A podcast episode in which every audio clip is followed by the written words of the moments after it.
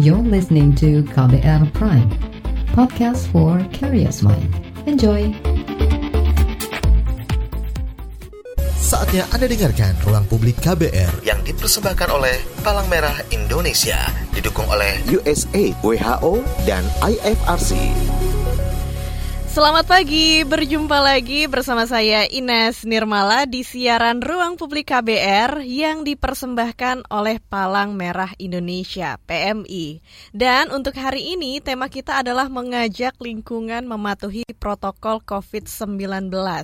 Karena memang jumlah pasien COVID-19 di Indonesia terus meningkat dan sejak kasus pertama positif COVID-19 diumumkan pemerintah di tanggal 2 Maret lalu hingga sekarang sekarang ini sudah sekitar enam bulan kita dalam situasi pandemi COVID-19 dan juga angka positif virus corona terus melonjak. Kita masyarakat juga dihimbau untuk menaati protokol kesehatan seperti misalnya menerapkan physical distancing, selalu pakai masker saat keluar rumah dan juga rajin cuci tangan dengan air dan sabun. Nah, walaupun sudah jadi tanggung jawab kita untuk menaati protokol kesehatan, tapi tetap aja kasus positif COVID-19 itu meningkat dari hari ke hari. Dan juga pemerintah menyebutkan melalui keterangan persnya bahwa penularan kasus yang masih terus terjadi disebabkan karena karena masih banyak warga yang tidak mematuhi protokol kesehatan dalam menjalankan aktivitas. Nah, kita-kita ya saya percaya ya pendengar ruang publik KBR juga orang-orang yang menaati protokol kesehatan dan mungkin juga kita sering gregetan kalau melihat orang-orang di sekitar kita yang tidak mematuhi protokol kesehatan. Nah, Bagaimana caranya untuk kita mengajak orang-orang di lingkungan sekitar supaya mematuhi protokol kesehatan? Ini dia yang akan kita perbincangkan lebih dalam lagi di ruang publik KBR yang temanya adalah mengajak lingkungan mematuhi protokol COVID-19. Dan sekarang saya juga sudah bersama narasumber yang terhubung lewat Zoom yang akan ngobrol bersama kita pagi hari ini. Ada Bapak Risang Rimbat Maja, praktisi komunikasi untuk perubahan perilaku. Selamat pagi Pak Risang. Selamat pagi, selamat pagi. Halo, selamat pagi. Salam sehat selalu Pak Risang. Ya, salam sehat juga. Iya, gimana kabarnya hari ini? Alhamdulillah baik, pagi-pagi iya. masih segar ya. Iya masih segar dan walaupun Jakarta pagi ini mendung kita tetap semangat ya untuk membagikan informasi kepada pendengar kita. Siap, siap. Iya. Dan juga satu lagi narasumber kita yang terhubung lewat Zoom ada Bapak Adrianus Jaharun, staf Korlap dan Penanggulangan Bencana PMI Provinsi NTT. Selamat pagi Pak Adrian. Selamat pagi Mbak Ines. Iya. Selamat pagi juga untuk para pendengar. Selamat pagi dan Pak Adrian ini ada di Kupang ya sekarang ini ya? Iya Mbak, saya ada di Kupang. Iya, gimana kabarnya Kupang hari ini? Ya, kalau kabar saya baik, kabar Kupang saat ini masih was-was Mbak karena memang Kupang juga masih dalam zona merah. Iya, karena kita semua juga sedang hmm. dalam situasi pandemi ini ya dan sudah dihimbau kepada masyarakat untuk menaati protokol kesehatan dan kita tahu ini sekarang jadi kewajiban kita untuk menjaga dan mentaati protokol kesehatan. Tapi ya ini saya ke Pak Risang dulu nih. Sering kita lihat kalau orang-orang di sekitar kita ada gitu yang cuek sama aturan protokol kesehatan. Nah, kalau menurut Anda nih Pak, apa sih yang menyebabkan hal ini? Ya, terima kasih Mbak Ines buat pertanyaannya. Betul, ada bahkan mungkin di sebagian tempat banyak kadang juga bahkan kalau kita lihat malam-malam ya lebih banyak lagi terutama yang muda-muda tuh. Iya. Kemarin baru jalan-jalan malam-malam saya lihat oh ternyata di tempat-tempat nongkrong pemuda-pemuda nggak peduli tuh. Nggak pakai masker eh, nggak jaga jarak pula. Jadi gini ini pertanyaan bagus ya karena kalau dalam komunikasi Mbak Ines ya itu tuh pertanyaan pertamanya itu jadi kenapa sih orang itu tidak uh, pakai masker misalnya? Iya. Ya, kita harus tahu itu dulu supaya nanti kita bisa pas berkomunikasi, pas memberikan pesannya ya. Uh, jangan kita langsung hantam oh, ajarkan masyarakat oh pakai masker juga jarak kasih himbauan begitu mm -hmm. tanpa tahu reasonnya apa kenapanya begitu karena kalau kita tahu kenapa nah rumusan komunikasi menjadi lebih tepat nantinya nah kalau saya pengamatan saya dan saya baca sejumlah uh, riset yang ada ya ada tiga paling tidak ya kelompok besar alasan kenapa uh, saudara-saudara kita masih kadang-kala cuek atau tidak peduli atau mungkin lupa begitu ya. Mm-hmm. Yang pertama aspek pem- pemahaman memang ya. pemahaman, belum belum tahu manfaatnya, belum tahu fungsinya. Tapi ini nggak terlalu banyak sekarang-sekarang ini. Kalau di awal-awal dulu banyak, tapi sekarang kayaknya bergerak makin dikit.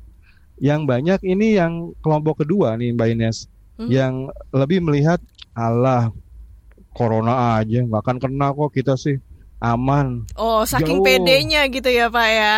Saking pedenya nggak akan kena virus gitu.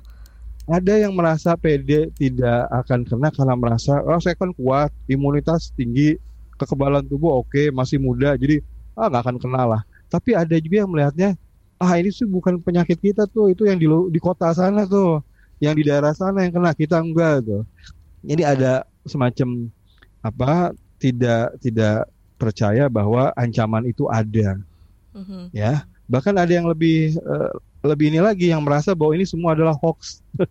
masih yeah. masih ada tuh yang merasa ini adalah hoax karangan dari uh, siapa pihak pemerintah kah karangan dari tenaga kesehatan buat nyari uang dan sebagainya itu banyak oh iya yang percaya konspirasi gitu ya pak ya semacam itu termasuk wah ini konspirasi ini nggak benar nih itu bohongan aja mana buktinya saya nggak kena nggak ada yang kena sekitar saya mm -mm. macam itu nah yang agak mengkhawatirkan tapi jumlahnya nggak banyak itu justru yang melihat ini sebagai suatu tindakan yang uh, menyinggung. Masker itu ya sesuatu yang buat mereka ya negatif, mengesalkan. Uh, makanya di beberapa tempat ya, saya nggak sebut tempatnya, kalau ada yang pakai masker ditanya itu, kamu beriman kamu, percaya sama Tuhan kamu. Oh gitu. Iya dan ya, saya ya. dapat laporan dari teman-teman bahkan ada juga yang kalau ke suatu daerah ke, ke satu kampung dia nggak pakai masker dia. Iya. Kenapa? Karena kalau dia pakai masker, maka servis dia, layanan dia, ini teman-teman yang ngurusin imunisasi, servis dia akan ditolak sama masyarakat. Masyarakat nggak akan ada yang datang karena pakai masker. Oh gitu. Iya, tidak beriman dianggapnya macam kayak gitu. Uh, sehingga kalau mereka uh, teman-teman itu pergi ke kampung untuk beri layanan imunisasi, mm. itu dilepas, dilepas itu maskernya. Eh, jumlahnya nggak terlalu banyak ya, yang seperti itu.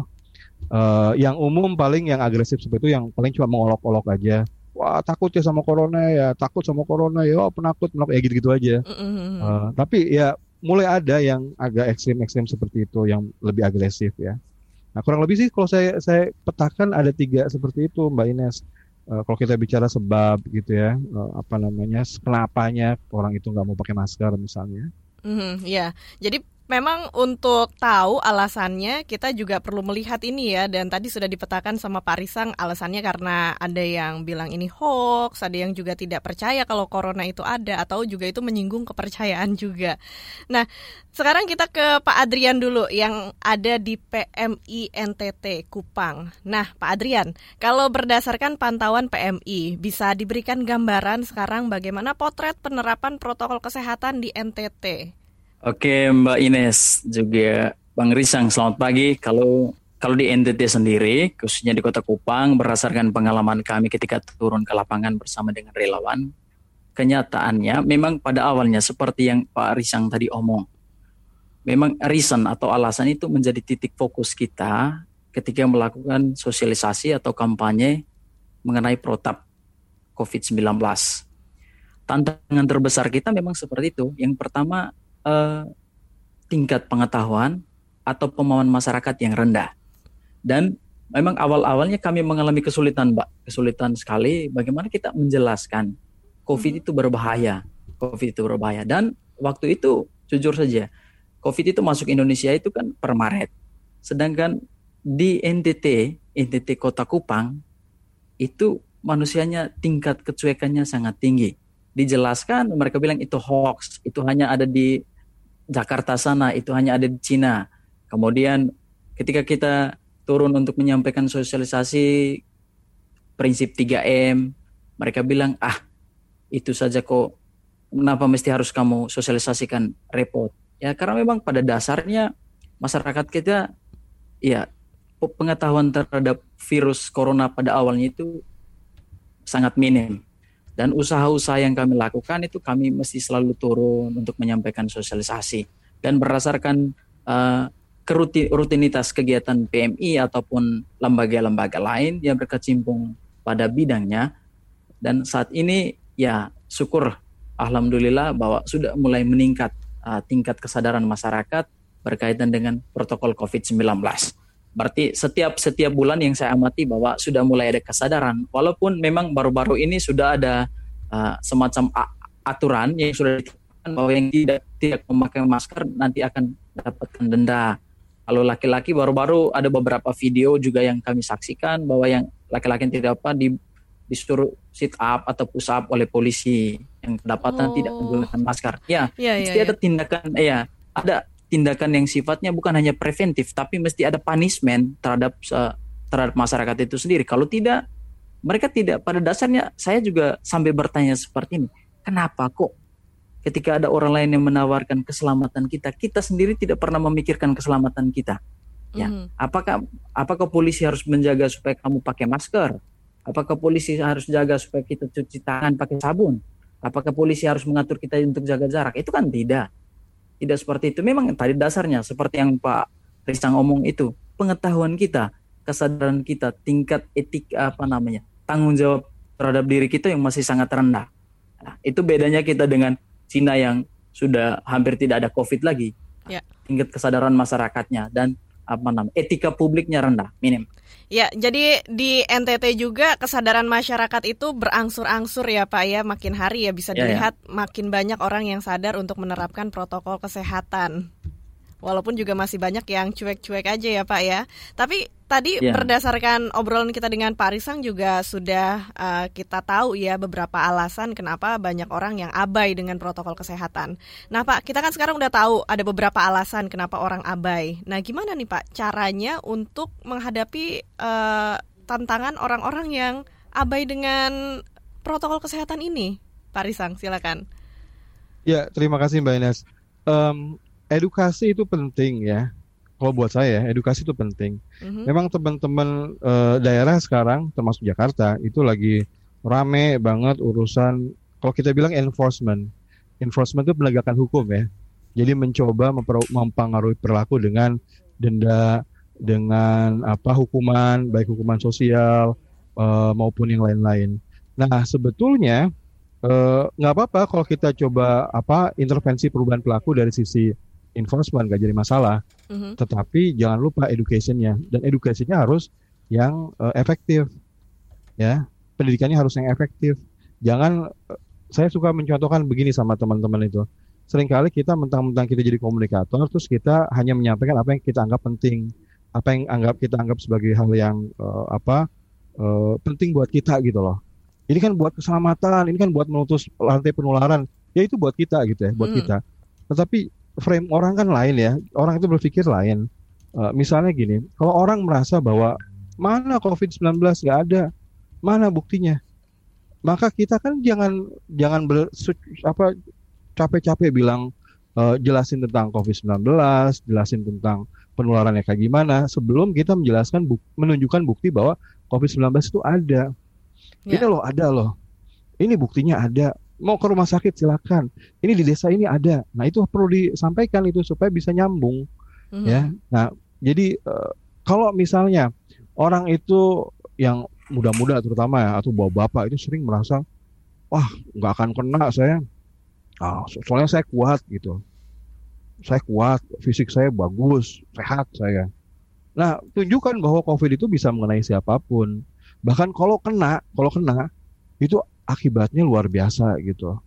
Jangan bilang demam demam rasa lelah atau batuk kering lagi, kita harus bilang mati. Yeah. Bisa mati. iya, apalagi kalau di timur ya, hubungan Rian ya, bilangnya kita yeah, bisa mati. Yeah. Yeah. Matinya pun bukan mati yang biasa-biasa kayak apa yang biasa-biasa atau sakit jantung yang yeah. selesai, bukan. Matinya itu sesek nafas. Yeah. Gak bisa nafas matinya yeah. karena itu. Yeah. Tetapi ya harus di gandeng segera dengan penjelasan semua itu bisa dicegah dengan 3M itu okay. tadi yang Bu Andrian iya, sampaikan iya, iya, cuma tiga itu aja. Oke, okay. Pak, ini ada pendengar kita yang bergabung lewat telepon, ada Bapak Taufik di Papua. Kita angkat dulu ya teleponnya. Selamat pagi Pak Taufik. Ya, selamat pagi Bu. Iya. Narasumber dengan Ibu Premier di meja tugas. Iya, silakan Pak Taufik ya. apa yang ingin ditanyakan? Uh, saya mau tanya Ibu, uh, maksudnya begini kan sekarang kan uh, kebiasaan baru Taufik maksudnya ini kan uh, protokol kesehatan yang kita boleh dijaga, tapi di timika sana itu Mhm. uh, sangat memburukkan begitu. Kenapa di Timika, kan, Pak? uh, di timika sangat memburukkan saat ini lockdown, terus Mhm. uh, rapid test itu uh, per orang keluarga kita mau berangkat dari timika ke Biak saja harus rapid test satu juta satu orang, dan tiga orang itu kena tiga juta. Iya. Ya, jadi eh, masukan saya bagaimana pemerintah bisa menegaskan bahwa eh, rapid test harga harga rapid test itu harus diturunkan harga kan Oh, dari Kementerian gitu. Kesehatan Mhm. dari Kementerian Kesehatan kan surat edarannya cuma 150 Iya. Ah, jadi edaran ini apa eh, protokol ini kita tetap jaga tapi Oke. harus eh, kebiasaan baru ini sudah mulai eh, dibukakan jadi timika Papua itu harus dibukakan Iya. seperti eh, yang diterapkan oleh eh, Oke. narasumber dengan juga pemerintah Oke. Seperti itu. Oke. Baik, terima kasih Pak Taufik yang ada di Papua untuk pertanyaannya. Nanti akan kita jawab setelah jeda yang berikut ini. Jangan ke mana-mana, tetap di ruang publik KBR. Masih Anda dengarkan Ruang Publik KBR yang dipersembahkan oleh Palang Merah Indonesia, didukung oleh USA, WHO, dan IFRC. Tema kita pagi hari ini mengajak lingkungan mematuhi protokol COVID-19.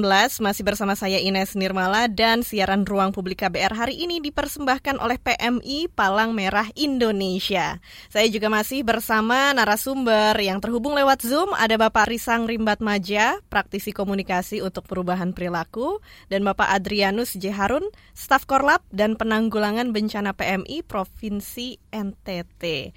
Oke, tadi sebelum kita jeda iklan ada pendengar kita yang masuk lewat telepon. Eh, Bapak Taufik dari Timika. Ini yang bilang kalau di sana juga eh, kendalanya adalah rapid test dia bilang. Rapid test jauh dan mahal. Kalau di NTT nih Pak bisa diceritakan Pak Adrian rapid test itu seperti apa? Apakah harganya juga mahal gitu? Kalau di Jakarta ini kisaran eh, ratusan ribu lah ya. Di bawah 500 ribu setahu saya. Kalau di NTT itu gimana Pak? Oke Mbak, baik terima kasih. Kalau di NTT juga sendiri ya rapid testnya itu dibayar tapi tidak mahal. Dia sekitar 150-an kata sampai 300 ribu range-nya. Yang mahal itu kemungkinan tes swab. Tes Ya. swab itu itu yang mahal. Ya tes swab juga kisarannya satu setengah sampai dua setengah juta sih, tes Iya. swab. Dan Itu itu, yang mahal. udah banyak rumah sakit juga ya yang menyediakan fasilitas untuk tes rapid dan I- swab itu ya. Iya, kalau di Kota Kupang sendiri sudah ada bah, sekitar lebih dari empat rumah sakit yang sudah menjadi rujukan untuk tes swab. Ah, juga untuk kalau untuk rapid test hampir di setiap wilayah kabupaten kota sudah sudah ada. Ah, karena memang baru-baru ini pemerintah ah, memberikan dana yang cukup besar supaya membantu ah, pengadaan alat-alat untuk rapid test dan juga tes swab itu sudah ada di setiap rumah sakit ah, induk di kabupaten kota sudah ada satu satu rumah sakit yang membantu supaya percepatan dalam proses uh, mendeteksi penyebaran virus corona. Ya, kalau memang kalau untuk saya kalau rapid test itu sendiri itu hanya satu metode screening awal saja untuk mendeteksi antibodi kita uh, untuk yang memproduksi yang memproduksi antibodi untuk melawan virus corona sehingga kalau memang di Papua harganya sampai seperti yang Bapak bilang tadi satu juta ya uh, mungkin juga pemerintah bisa melihat kenyataan seperti ini mungkin aspek dari kita sebagai PMI ataupun uh, peran lembaga lain bu- mungkin juga menjadi suatu sa- saran memberikan saran kepada pemerintah supaya uh, biaya rapidnya itu bisa diturunkan supaya paling tidak sama lah di setiap wilayah kabupaten kota di Indonesia itu biaya rapidnya ya harus sama tidak boleh ada yang lebih tinggi lebih besar atau uh, yang lainnya minim sekali atau lebih murah Iya. supaya ada suatu perspektif keadilan dalam uh, persoalan rapid test. Iya, betul. Untuk saya Pak. seperti itu. Sim. Oke.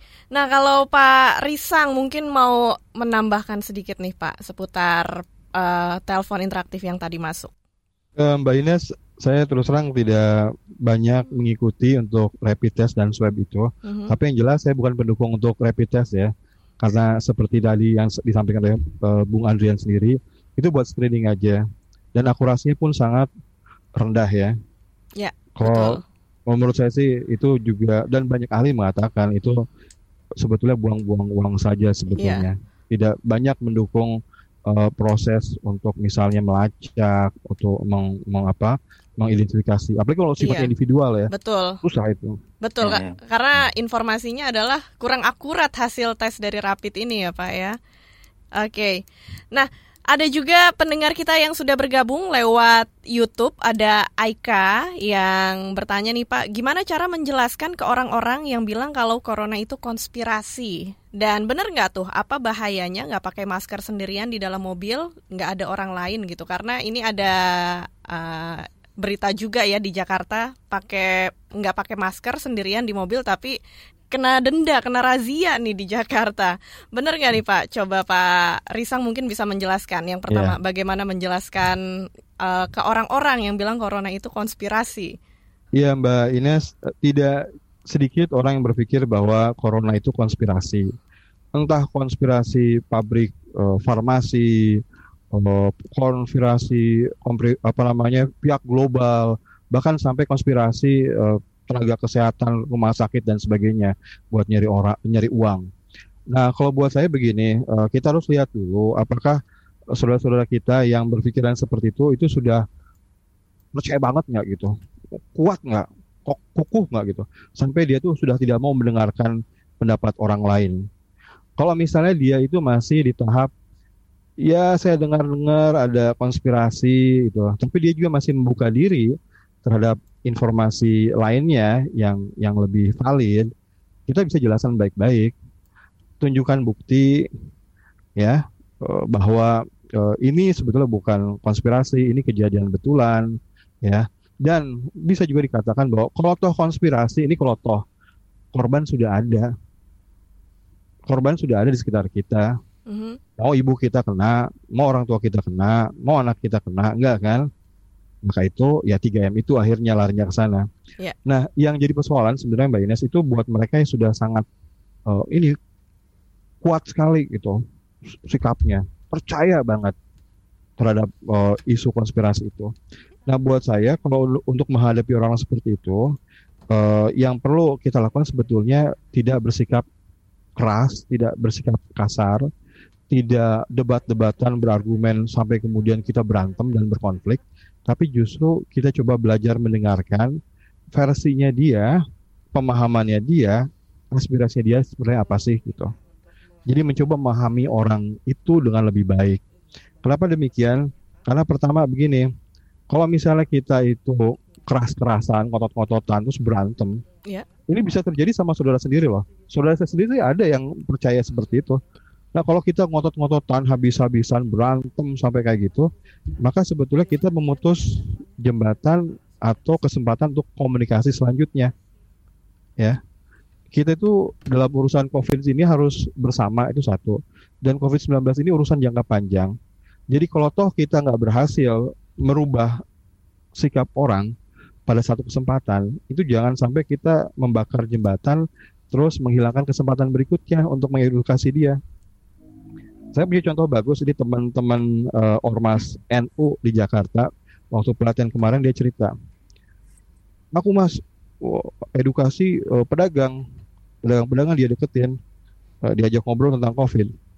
Terus apa coba responnya terhadap ibu ini? Ini ibu anggota majelis taklim.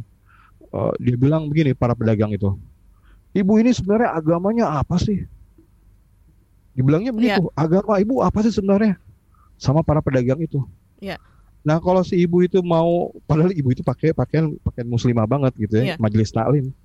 Kalau si ibu itu mau dibawa emosi, ya bisa kan ribut di situ kan. Iya. Tapi si ibu itu lebih memilih untuk bercanda aja, dibuat bercanda, dibuat Iya. ketawa-ketawa, Iya. sehingga apa? Sehingga nanti bisa punya kesempatan berkomunikasi lagi nanti mungkin minggu depan ke sana lagi ngobrol lagi. Iya iya Oh. iya. Caranya sih, lebih Ines. efektif ya Pak kalau kita nggak pakai ngotot-ngototan buat ngasih penjelasan. Oke. Nah, ada juga pendengar kita berikutnya yang sudah bergabung lewat telepon. Selamat pagi, Pak Yoga di Surabaya.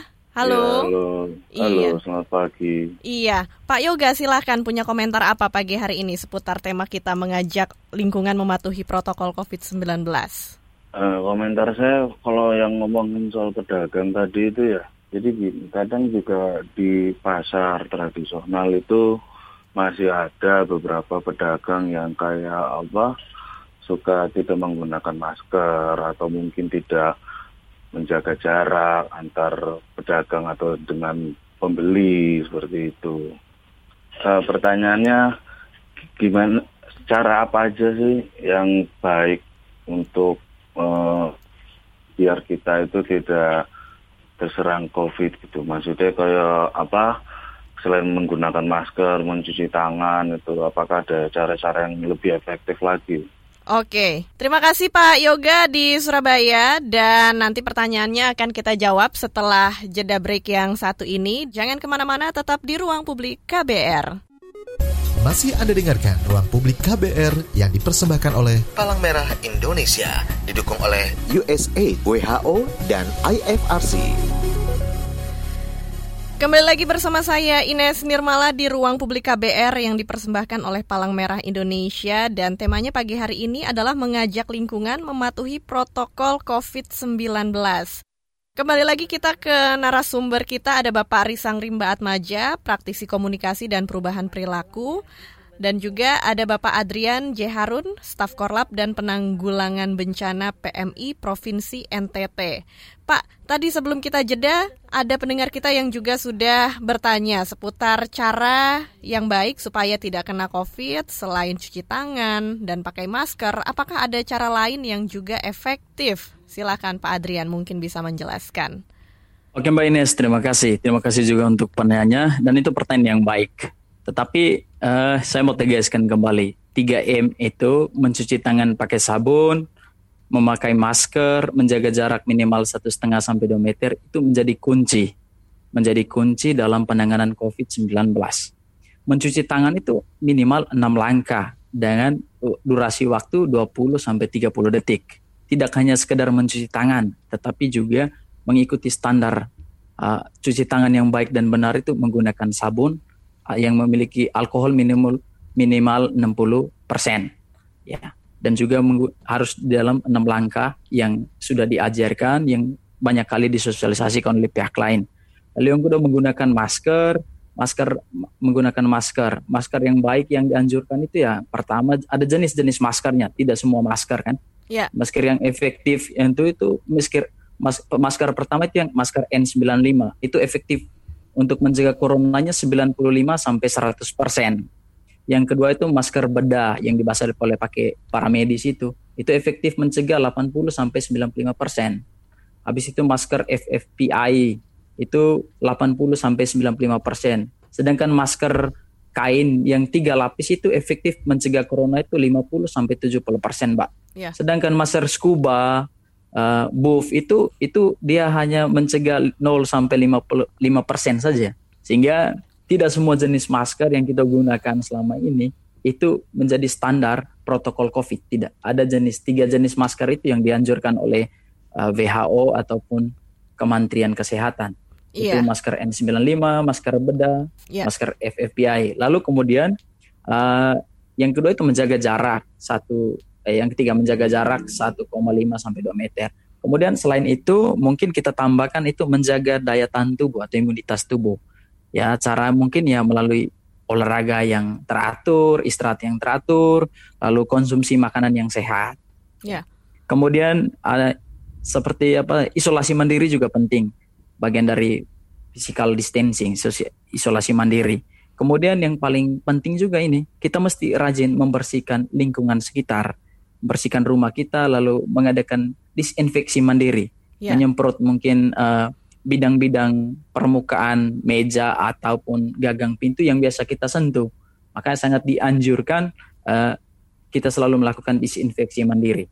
Betul. Mungkin itu itu standar ya, iya. itu standar. Itu saja itu ya cara-cara yang bisa kita lakukan yeah. dengan efektif menghindarkan terkena COVID-19. Nah, sekarang yeah, juga Mbak. ada pendengar kita berikutnya yang sudah bergabung lewat telepon, ada Bapak Helon di Sumba Timur. Langsung saja kita angkat teleponnya. Pak Helon, selamat pagi. Selamat pagi Mbak Ines. Salam sehat untuk iya. Mbak Ines dan kedua Bapak narasumber. Salam sehat juga untuk Pak Helon. Silahkan Pak langsung saja punya pertanyaan ya. atau komentar apa. Saya mau bertanya, rapid test apa swab itu mahal dengan ekonomi yang sulit seperti ini. Nah, bagaimana solusinya, Pak? Itu sepertinya saja. ini sepertinya kita makan buah si malakama ini, Pak. Mm -hmm. Tidak dites, ya kita juga rugi dengan kesehatan. Kita dites juga menyangkut ekonomi juga yang sulit ini. Yeah. Nah, bagaimana? Bagaimana solusinya? Saya minta solusi dari uh, kedua narasumber. Terima kasih. Oke. Okay. Terima kasih Pak Helon yang ada di Sumba Timur. Mungkin Pak Adrian juga bisa memberi tanggapan Pak seputar pertanyaan tadi. Oke Mbak Ines, baik terima kasih untuk Pak Helon. Kalau kita omong tentang uh, bagaimana usaha kita, usaha PMI untuk menyikapi hal ini ya sifatnya kami sifatnya konsultasi, sifatnya koordinasi dengan uh, pengambil kebijakan karena yang menentukan uh, harga penetapan standar harga pada rapid test atau tes uh, swab itu kan ada regulasi dari pemerintah. Ya, sifatnya kita hanya memberikan anjuran kepada pemerintah dengan kita membawa data-data atau fakta di lapangan bahwa banyak masyarakat kita yang tidak menjalankan rapid test atau tes swab karena memang uh, tingkat ek kebutuhan ekonominya yang tinggi dan juga sedangkan apa namanya uh, mereka tidak memiliki biaya yang cukup yeah. untuk uh, rapid atau tes swab. Maka sifatnya kita hanya uh, menyampaikan uh, menyampaikan kepada pemerintah supaya para pengambil kebijakan itu mereka mampu melihat kondisi real masyarakat kita di di lapangan itu seperti apa untuk tes swab. Uh, yang yang kedua untuk saya uh, ini juga pola pendekatan kita kepada uh, para pengambil kebijakan yaitu para anggota DPR atau di legislatif. Kita bisa uh, memberikan saran kepada mereka apakah uh, mereka punya langkah-langkah konkret untuk mengantisipasi hal ini. Nah, di tengah wabah COVID yang banyak kesulitan ini, dituntut lagi yang harus rapid test dan tes swab yang biayanya mahal, sedangkan kemampuan ekonomi masyarakat kita rendah ya. Paling tidak kita mereka mampu melihat situasi seperti ini. Bagaimana kebijakan-kebijakan mereka sehingga bisa membantu. Yang ketiga mungkin untuk uh, di bidang kesehatan, baik dari Kementerian Kesehatan, Dinas Kesehatan ataupun rumah sakit mesti menyikap juga hal ini. Yeah. Nah, ini ini anjuran yang bagus. Saya kira kan mungkin ada alokasi dari anggaran anggaran COVID mungkin uh, bisa dipetakan juga supaya membantu misalkan tanggungan dari pemerintah untuk tes swab atau tes COVID itu berapa persen dari alokasi itu sehingga masyarakat yang masyarakat yang membutuhkan itu bisa membayar tidak sampai uh, ratusan ribu atau bahkan jutaan rupiah untuk tes swab dan uh, tes uh, rapid test itu. Iya. Kalau untuk saya itu sifatnya itu kita mengontrol kebijakan uh, pemerintah. Oke, itu dia yang dilakukan PM, PMI ya untuk uh, mengontrol ya. kebijakan. Nah, selanjutnya kita langsung saja angkat telepon berikutnya dari Pak Bayu yang ada di Tangerang. Halo, selamat pagi Pak Bayu. Pagi Mbak Ines. Iya, Pak Bayu punya pertanyaan atau komentar apa pagi ini? Hmm, ini kan mengenai protokol COVID-19 ya Mbak ya? Ini ya kita nah. lagi membahas seputar mengajak lingkungan mematuhi protokol COVID-19. Nah, kebetulan di lingkungan perumahan saya itu kita sudah uh, apa namanya melakukan protokol tersebut. Kita bahkan sudah lockdown hampir dari bulan Maret itu kegiatan tidak ada yang biasanya tiap pagi ada jogging sekarang nggak ada. Mm-hmm. Bahkan kita aja tidak boleh menerima tamu kan. Iya. Yeah. Nah, cuma kan dari semua ini kan kita tetap ada kebutuhan yaitu kebutuhan pangan sehingga untuk kebutuhan pangan itu kita memenuhinya dengan cara memesan dari luar seperti kita menghubungi uh, kurir pesan antar khusus dari pasar atau memesan makanan siap saji dengan kurir ya kan mbak ya. Yeah. Nah cuman uh, ternyata dari uh, cara tersebut itu juga tidak menutup kemungkinan adanya penularan karena di kompleks saya itu ada sekitar empat kartu apa empat kakak itu yang terkena penyakit COVID ini, Mbak. Oh, gitu ya, Pak? Uh, uh, karena ada yang terkena penyakit COVID, akhirnya diadakan swab test di RT saya kan. Uh -huh. Nah, itu uh, gimana sih caranya pemerintah untuk bisa apa ya mengedukasi orang-orang di luar sana, khususnya uh, mereka yang menyediakan jasa-jasa kurir ini agar mereka tetap bisa steril, khususnya mereka kan mengantarkan kebutuhan-kebutuhan pokok ya mbak ya. Iya. Uh, Oke. Okay. gitu. Oke, terima kasih Pak Bayu yang ada di Tangerang Selatan. Nah, kalau gini kita ke Pak Risang mungkin ya bisa menanggapi nih bagaimana caranya pemerintah memberikan edukasi untuk penyedia jasa kurir supaya uh, lingkungan yang didatangi juga tetap sehat dan terhindar dari COVID-19. Silakan Pak Risang. Ya, terima kasih Mbak Ines. Uh, sebetulnya contoh bagus ya untuk sebagai uh, pembahasan kita nih. Jadi begini, uh, kalau kita bicara tentang COVID-19, memang kita itu harus ofensif mau nggak mau ya. Dari sisi edukasi itu harus ofensif. Jadi nggak ngasih sela kepada siapa pun ya di mana pun yang bisa membawa virus masuk ke dalam rumah. Jadi nggak kasih sela. Saya punya kasus, bukan punya kasus, saya dapat cerita ya. E, ada satu orang yang kena uh, eh, COVID-19 dan sampai meninggal.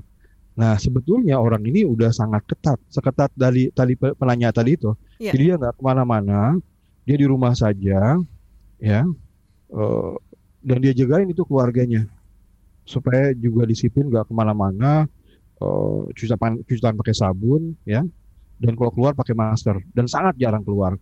Yeah. Apa apa yang terjadi?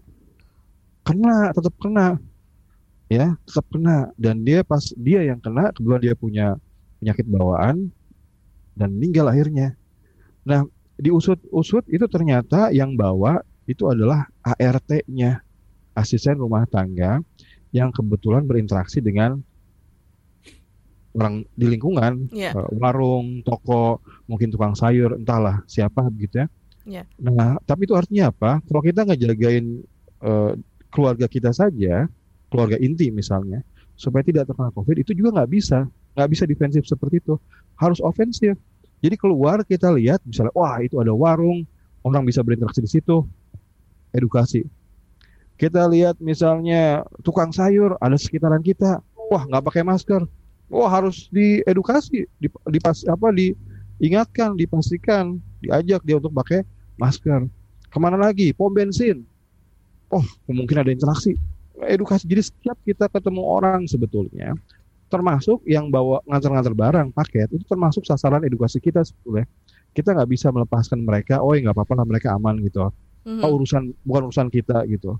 Padahal apa yang mereka lakukan itu bisa berakibat ke kita. Jadi ingatkan, eh pakai masker, cuci tangan pakai sabun sering-sering ya. Ingatkan begitu. Kalau saya sih ngelihatnya begini, kembali ke pertanyaan eh, apa yang harus dilakukan pemerintah pemerintah itu kan sebagai edukator kelihatannya buruk ya. Sebagai edukator ya. Dia ya lihat aja sekarang lah nggak karuan begini ya. Tapi mungkin bagus sebagai regulator ya. Ya bagus-bagusnya bisa lebih optimum lah maksud saya. Uh, artinya gini kalau untuk saudara-saudara kita teman-teman kita yang kerja misalnya di antar barang yeah. Ya. uh, antar paket gitu ya dibuat dong regulasi yang lebih ketat gitu agar mereka itu uh, mematuhi protokol. Itu yang bisa dilakukan pemerintah ya. Iya. Uh, okay. Edukasi saya rasa tanggung jawab kita semua deh ya. Artinya kita juga harus ofensif. Jangan diamkan saja gitu. Betul, Pak. Memang ini tanggung jawab kita juga untuk mengedukasi sesama yang ada di sekitar kita untuk menaati protokol kesehatan di masa pandemi ini. Dan kita juga akan kembali lagi ke siaran ruang publik setelah jeda yang berikut ini. Masih Anda dengarkan Ruang Publik KBR yang dipersembahkan oleh Palang Merah Indonesia, didukung oleh USA, WHO, dan IFRC. Menarik sekali perbincangan kita pagi hari ini di ruang publik KBR yang dipersembahkan oleh Palang Merah Indonesia dan pagi hari ini kita juga membahas tema seputar mengajak lingkungan mematuhi protokol COVID-19. Masih bersama saya Ines Nirmala dan juga dua orang narasumber kita, Bapak Risang Rimbat Maja, praktisi komunikasi untuk perubahan perilaku dan Bapak Adrian J. Harun, staf Korlap dan penanggulangan bencana PMI Provinsi NTT. Dan memang banyak yang bergabung untuk berinteraksi dengan kita di siaran ruang publik KBR. Seperti yang satu ini kita juga angkat satu lagi penelpon dari Bekasi Timur ada Bapak Sutanto. Halo, selamat pagi Pak Sutanto. Selamat pagi Mbak Ines. Iya, Pak Sutanto silahkan apa yang ingin disampaikan. Terima kasih, selamat pagi Bapak Risang dan Pak Adrian, selamat pagi semua, salam sehat semua. Bahwa Bapak semua tadi di prolog dari awal sudah ya uh, mendengarkan apa yang Bapak sampaikan semua Tapi ada satu lagi uh, problem yang uh, mohon paparannya bagaimana kami menghimbaunya kepada mereka karena menemukan beberapa kelompok usia lansia, lansia baik yang uh, wanita maupun yang pria itu yang uh, tetap existing dalam tanda kutip uh, selalu beraktivitas ke lingkungan yang ramai dalam hal ini rumah ke pasar begitu. Kalau yang oma-oma biasanya untuk uh, belanja kebutuhannya sehari-hari begitu, yeah. sementara untuk oma-oma, maksudnya yang perempuan begitu yeah, ya. Yeah. Ah, sementara untuk yang aki-aki biasanya dengan uh, jualan pikulannya, karena uh, uh, yang saya sampai bingung adalah kalau kami sampaikan dia dengan sabar menjelaskan bahwa dari zaman dulu bahkan dengan uh, santainya menyatakan nah, dari tujuh bulan yang lalu kami nggak kenapa-kenapa begitu. Nah, yeah. tapi ini di beberapa titik artinya saya menemukan nggak baru di satu dua lingkungan RT RW, tapi karena saya juga mobile jadi beberapa titik. Nah, kami harus bagaimana uh, bapak-bapak semua kepada lingkungan keluarganya. Karena yang kami tanyakan kemudian anak cucu mantunya ke mana ya? Kok mereka kalau mungkin yang pria adalah uh, karena dia berdagang ya Mbak Ines. Tapi yeah. kemudian yang uh, Nini ini Oma ini kan sebenarnya bisa uh, mantu atau cucunya atau anaknya yang belanja. Kenapa dia tetap jalan? Yeah. nah ini saya sering ketemu sehingga uh, baik itu jalan kaki dari rumahnya maupun naik angkot begitu. Mm-hmm. Dan mereka dengan santainya bilang kami ya bahasa kita sehari-hari bahasanya Mbak Ines adalah kami masih eksis kok sampai sekarang tujuh bulan yang lalu kalau kenapa kenapa kami yeah. dari kemarin begitu. Yeah. Nah uh-uh, itu saja dulu terima kasih banyak. Sukses selalu, selamat pagi semua. Iya, terima kasih banyak Bapak Sutanto di Bekasi Timur yang punya pengalaman ini dengan kelompok lansia yang tetap beraktivitas ke lingkungan yang ramai. Nah, gimana nih Pak Risang cara untuk menghimbau kepada kelompok lansia ini ataupun juga untuk keluarga dari lansia-lansia ini yang masih tetap aktivitas keluar. Silakan Pak. Iya Mbak Ines, terima kasih Pak Sutanto untuk pertanyaannya. Uh, kelompok lansia ini serba salah ya, karena mereka berada dalam kelompok yang sangat rentan, ya. Jadi kalau kena COVID bisa berimpact parah terhadap kesehatan bahkan uh, nyawa mereka. Tapi di sisi lain kita nggak boleh uh, gerasa gerusu, nggak boleh uh, maksa-maksa ke kelompok lansia ini. Kenapa? Karena kakek nenek kita kan orangnya lebih sensitif ya, uh, lebih juga merasa mungkin bukan orang-orang yang uh, siapa lo gitu nasihatin gue, gue udah hidup lama 70 tahun, 80 yeah. tahun nggak apa-apa, kok tiba-tiba ngasih apa saran-saran yang belum tentu terbukti gitu. Yeah. Jadi banyak sebetulnya pelaku-pelaku yang terkait dengan apa namanya uh, lansia gitu yang harus di di apa ditangani dengan hati-hati. Nah, pembelajaran kami biasanya di lapangan ya terkait dengan kelompok-kelompok lansia ini uh, saudara-saudara kita, kakek kakek nenek kita ya. Itu pertama uh, mereka itu sebetulnya nggak nggak ingin didikte, nggak mau didikte-dikte gitu, mm-hmm. nggak mau diajar-ajarin, tapi ingin di apa? Ingin ditemenin, ingin diajak ngobrol, ingin dihargai, diapresiasi pengalaman mereka selama ini. Jadi kalau kita ngelihat misalnya seorang kakek bawa pisang ya, udah tua nggak pakai masker, ya menurut saya jangan langsung ngomong tentang Pak maskernya ke mana Pak bahaya loh Pak nanti kalau nggak pakai masker bisa ini dan itu. Ya mendingan kita ngobrol dulu Pak. Wah udah udah laku berapa nih pisangnya nih Pak? Oh bagus-bagus nih pisangnya. Udah lama dagang pisangnya. Ngobrol lah sebentar gitu ya. Nggak akan lama kok mungkin butuh 3 sampai lima menit. Kalau dia cerita tentang pengalaman dia yang lalu-lalu ya hargain gitu ya. Kita yeah. apresiasi. Nah pada saat yang tepat baru boleh kita nanya pak ke ke beliau gitu. Pak maskernya ke mana pak? Oh saya nggak punya.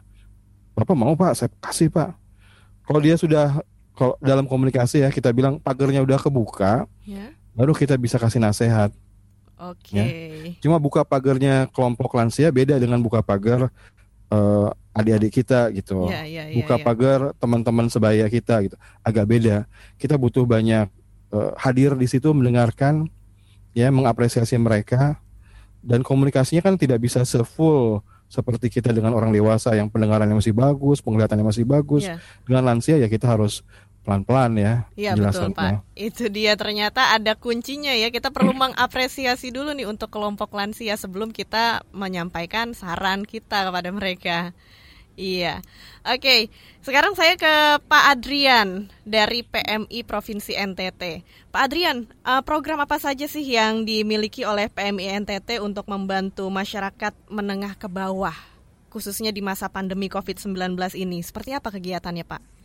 Oke Mbak Ines juga Bang Risang. Baik, tadi pertanyaan-pertanyaan dari pendengar kita itu menarik ya, Iya. menarik kami. Dan untuk itu di masa pandemi ini kami di PMI Provinsi NTT kebetulan uh, mendapat dukungan dari Palang Merah Amerika khususnya untuk di PMI Provinsi NTT-nya dan juga di Kabupaten PM PMI Kabupaten Manggarai. Kami mendapat dukungan dana untuk respon COVID. Nah, Kegiatan yang kami lakukan yang pertama itu pembentukan posko hotline dan posko COVID untuk menginput eh, data-data yang dikirim dari PMI Kabupaten Kota dan juga merespon eh, tanggapan masyarakat eh, berkaitan dengan COVID. Ah, kalau misalkan ada yang telepon atau WhatsApp atau di IG atau media sosial yang bertanya berkaitan dengan COVID, ah, petugas posko yang merespon mereka, menjawab ah, apa yang mereka butuhkan.